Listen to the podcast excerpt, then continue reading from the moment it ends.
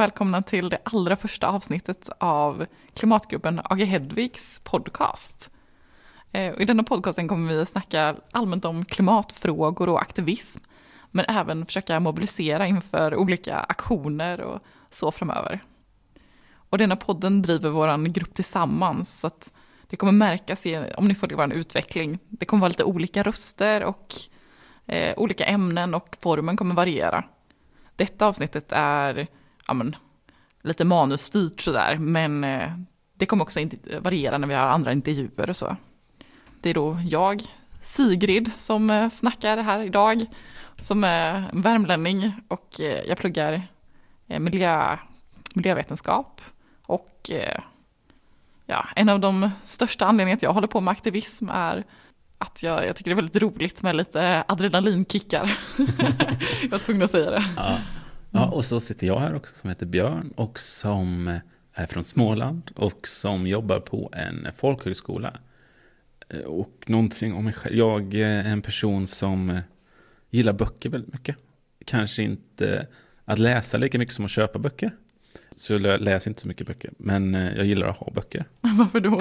Ja, men jag, vet, jag, jag tycker det är, en, det är en trevlig känsla. Det är mysigt med böcker och jag vet inte, man har aldrig tid att läsa dem. Men, du bara eh, verkar beläst. Ja, kanske. Eh, men ja, jag vet inte, de är, det är väldigt fint att ha böcker också. Det är en snygg inredningsdetalj. Dyr inredningsdetalj. Kanske, men fin. Okej.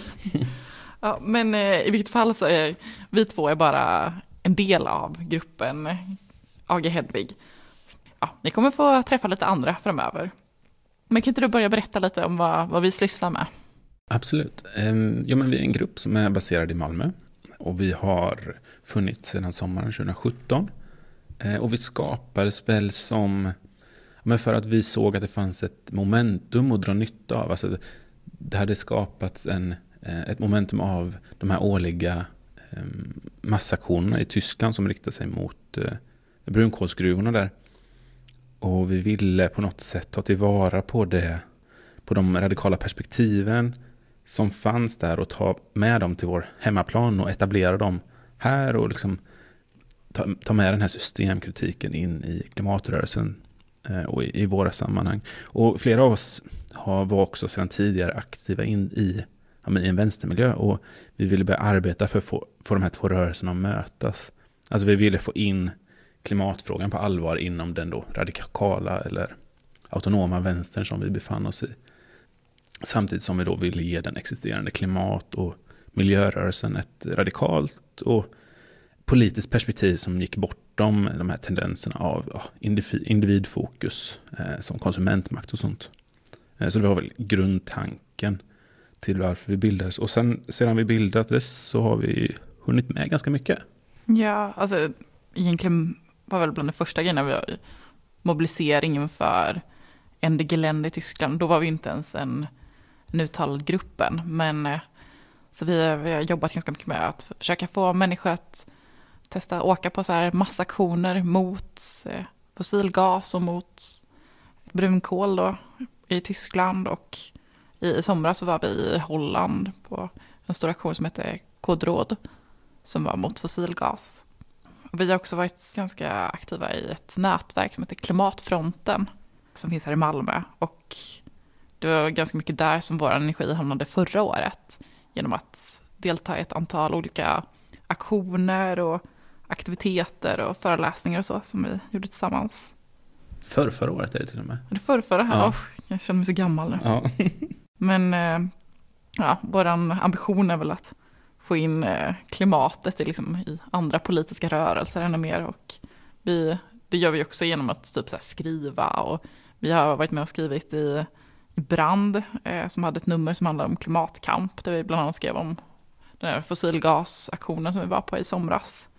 Och vi har också varit gästredaktörer för ett nummer av tidningen Mana som hade ett nummer om klimatimperialism och, och ja, men typ rasism och antirasism.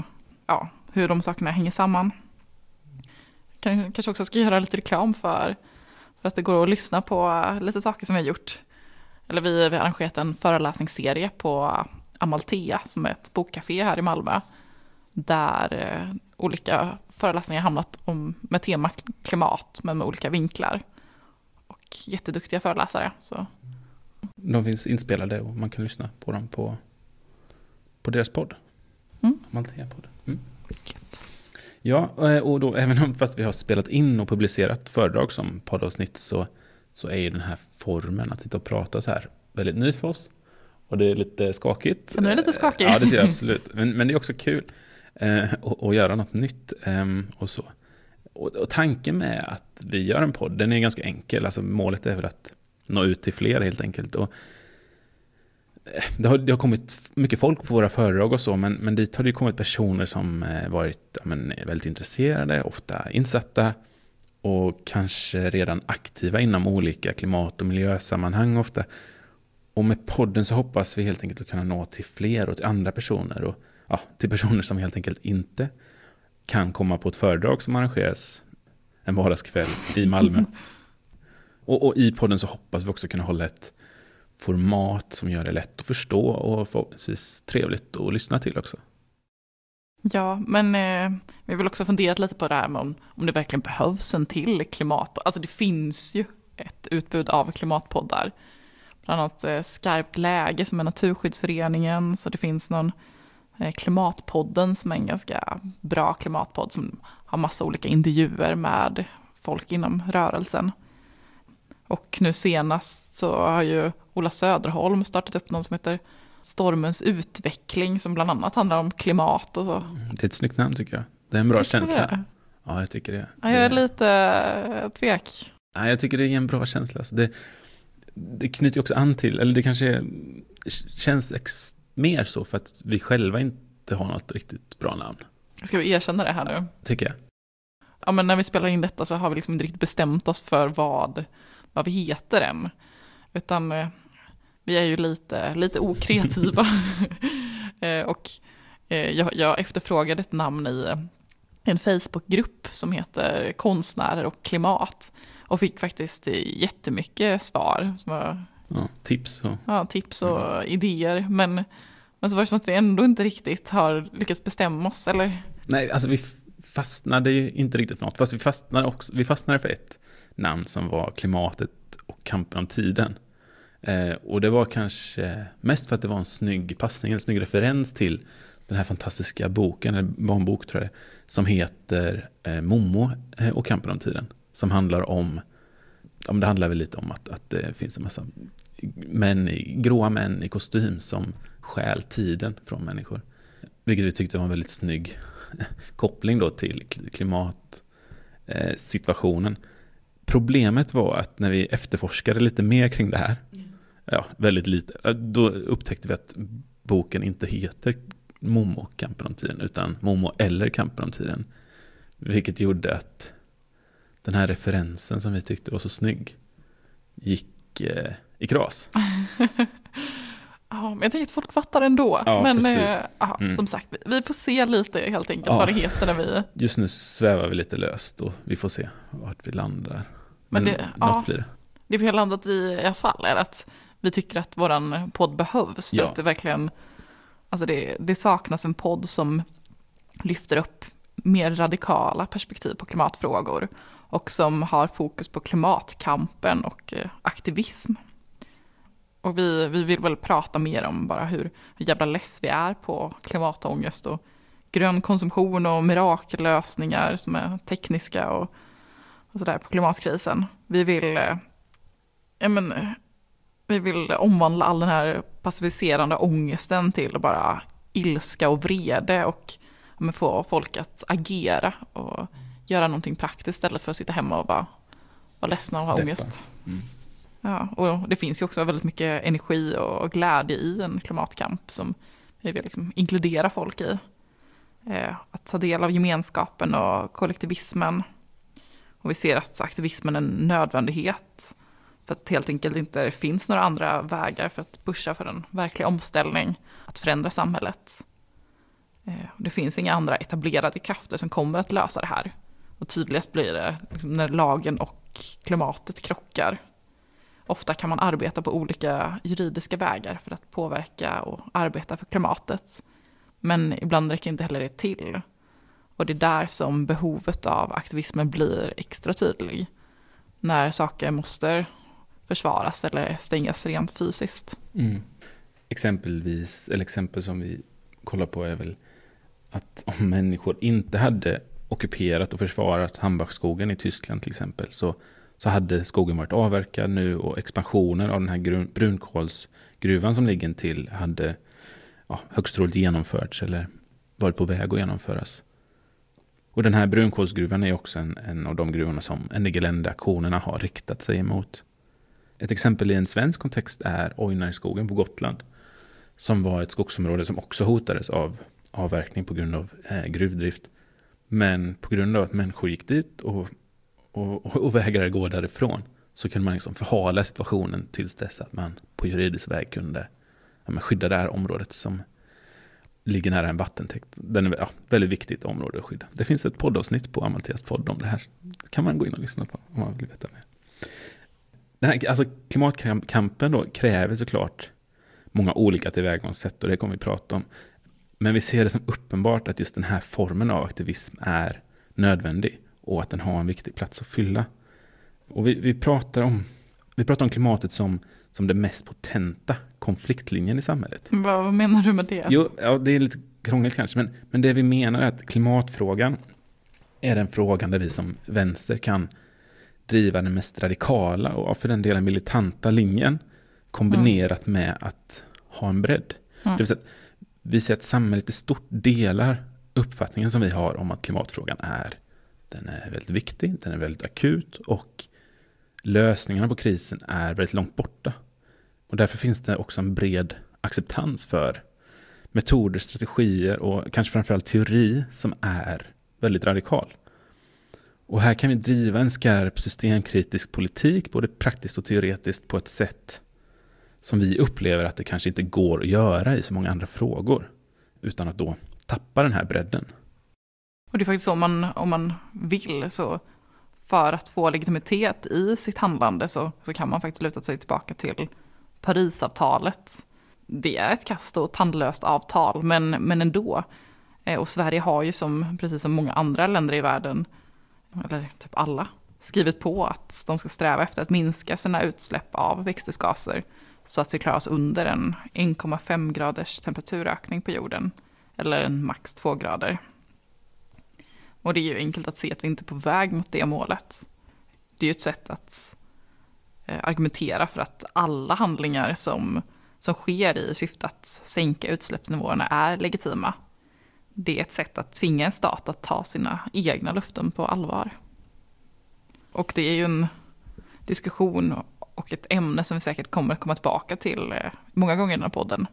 Både för att informera om pågående saker, mobilisera inför saker, men förhoppningsvis föra en diskussion också om hur vi mest strategiskt kan arbeta som klimataktivister. Vi har ju märkt av en växande rörelse inom klimatvärlden världen den senaste tiden. Inte minst med Greta och fredagsstrejkerna och Extinction Rebellion, alltså det finns en växande rörelse, många människor vill agera. Och det är spännande att se utvecklingen, hur klimataktivismen kommer utvecklas och förhoppningsvis i en radikalare riktning. Ja, precis, och det är där vi ser vår roll i det här på ett sätt, att vi, vi arbetar för att klimatrörelsen ska sträva för att, mot, mot att bli radikaliserad. Ja, och, det är några saker som vi tycker att eh, en klimatrörelse måste ses som självklara. Eh, och det första är, det är som ett, ett nödvändigt utgångsläge för analys av klimatkrisen, som vi ser det, är att, man har en förståelse för att den har en inneboende orättvisa. Alltså att klimatförändringarnas konsekvenser slår och kommer fortsätta att slå hårdast mot människor som är i en situation där de både är minst förmögna att skydda sig från dem, men också, vilket är väldigt viktigt, samtidigt har minst delaktighet i att situationen har uppstått. Det vill säga, de har till en väldigt liten del bidragit till eller skördat frukterna av de utsläpp som har eh, förändrat vårt klimat. Och att vi kan se att de här människorna är ofta fattiga, de här människorna är ofta icke-vita, de här människorna är ofta kvinnor, eh, alltså de som drabbas hårdast. Och här är nyckelbegrepp som vi använder oss av ord som sårbarhet, ekologisk skuld och eh, klimaträttvisa. Och det är också ord och begrepp som vi kommer ta upp och förklara här i podden framöver förhoppningsvis i, i enskilda avsnitt. Utifrån de här perspektiven och utifrån hur klimatkrisens konsekvenser drabbar människor olika så ser vi det nödvändigt också att utgå då från ett feministiskt och antirasistiskt förhållningssätt och att vi ser att klimatkampen måste ha, alltså i, klimatkampen i sig själv måste vara antirasistisk och eh, feministisk. Mm. Vi måste ju förstå varför vi är i den här situationen. Det är inte några få onda, giriga människor som har drivit oss hit, utan detta är ju resultatet av ett ekonomiskt system som till sin natur är destruktivt. Och fossila bränslen är motorn i ett samhälle, vilket betyder att när vi har ekonomisk tillväxt så leder det till ökad användning av fossila bränslen. Precis som FNs klimatpanel IPCC ser vi inte att klimatkrisen går att lösa inom den liberala marknadens ramar. Därför ser vi att klimatrörelsen måste präglas av ett antikapitalistiskt perspektiv. Mm. Ja, och det här sammanfattar väl lite kort hur vi ser på klimatet och klimatfrågan. Och det kommer vi, alltså det vi kommer prata om i den här podden kommer man då mycket utgå från de här perspektiven. Och, och vi kommer såklart också prata mycket utifrån, alltså prata om saker som är kopplade till de projekten som vi också driver. Eh, kan du berätta lite om projekt som vi håller på med? Mm, alltså ett av de grejerna vi jobbar mest med just nu, det är ju Free the Soil, som är en stor eh, aktion och klimatläger som kommer vara eh, utanför Hamburg. Och Free the Soil det, det är liksom en, en kampanj mot det industriella jordbruket. Och då, det är liksom dels den här klimatläget-aktionen, men det kommer också vara liksom massa andra saker för att försöka ställa om jordbruket. Och vi kommer väl ha ett helt poddavsnitt som handlar om det, eller eventuellt flera, för det är mm. en enormt stor och viktig fråga. Eh, och så kommer vi säkert spela in eh, separata avsnitt som är så mobiliserande och coola inför själva aktionen då i september. Ja, vi, vi ska få ner mycket folk till Tyskland, det, det är planen. Mm. Och vi arbetar också med fossilgasfrågan. Eh, det är en fråga som vi eh, har, vi har gjort flera olika aktioner så i, kring fossilgas och det är någonting vi planerar att fortsätta med. Och det, det håller på att ske väldigt mycket med utbyggnad av fossilgas i, i det tysta i Sverige. Och det vill vi ju liksom syna och lyfta fram att det håller på att hända. Och ja, hur man kan stoppa det framförallt. Och vi, vi vill också göra något avsnitt, eller ett av de nästa avsnitten kommer handla om Preems planer på att bygga ut sitt oljeraffinaderi i Lysekil. Det är ju planen att det ska bli Sveriges största utsläppare av koldioxid. Och det är helt sjukt att sätta på ett till oljeraffinaderi nu i den här tiden. Men vi, vi kommer liksom bevaka det och prata lite om vilket motstånd det finns mot det och hur man kan ansluta sig till det. Mm. Vi, nu, nu kanske jag är lite trampar någon på tårna här i vår grupp, men det, det, är nästan bestämt att vi, vi kommer vara med och arrangera en konferens på Lunds universitet som har tema klimat och högerextremism. Och det tänker vi också ha något avsnitt om. Mm. Ett jätteviktigt ämne. Verkligen. Och den konferensen kommer äga rum i höst då? Eh, när var det? I, i november. Mm. Ja, det, det är de projekt som vi arbetar med just nu. Och utöver de här rubrikerna då, de här ämnena, så planerar vi också att ta upp och förklara olika termer och begrepp som, som finns inom klimatsvängen och som vi använder oss av, som jag var inne på lite tidigare. Och det kommer väl bli någon form av serie av avsnitt som, som tar sig an just det. Och ja, avslutningsvis kan vi också säga någonting om kanske det vi jobbar allra mest med just nu är vårt eh, kommande klimatläge som vi arrangerar i påsk. Men det känns ju inte som att du bör göra reklam för det, eller det är ju redan fullt. Ja, alltså det är ju en av de här roliga sakerna med att hålla på med klimat just nu, att det är väldigt, väldigt stort intresse för det här. Och vårt klimatläger då, som äger rum i, i påsk på Färnebo folkhögskola utanför Gävle är ju tokfullt. Det är massa människor som har anmält sig och sådär. Asfett. Ja, det är jätteroligt. Mm, så att eh, ja, man, kan, man kan hitta information om det och så vidare på, via vår Facebook. Men, eh, och man kan ställa sig i kö. men, men just nu så är det ja, fullbokat.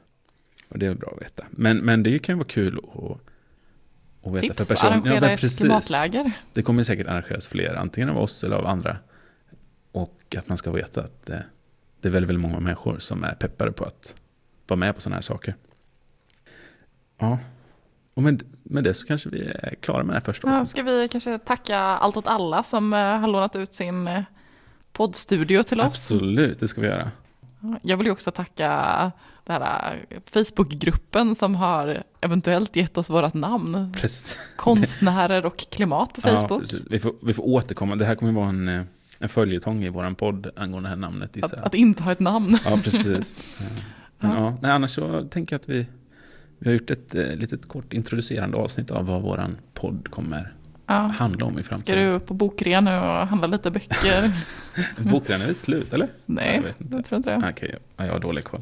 Mm. men kanske, ja. Nej, men eh, med det så kanske vi bara ska tacka till er som har lyssnat och hoppas att ni följer oss. Vi kommer att släppa avsnitt med en, ja, ett oregelbundet mellanrum, men ni får hålla utkik. Mm. Vi hörs.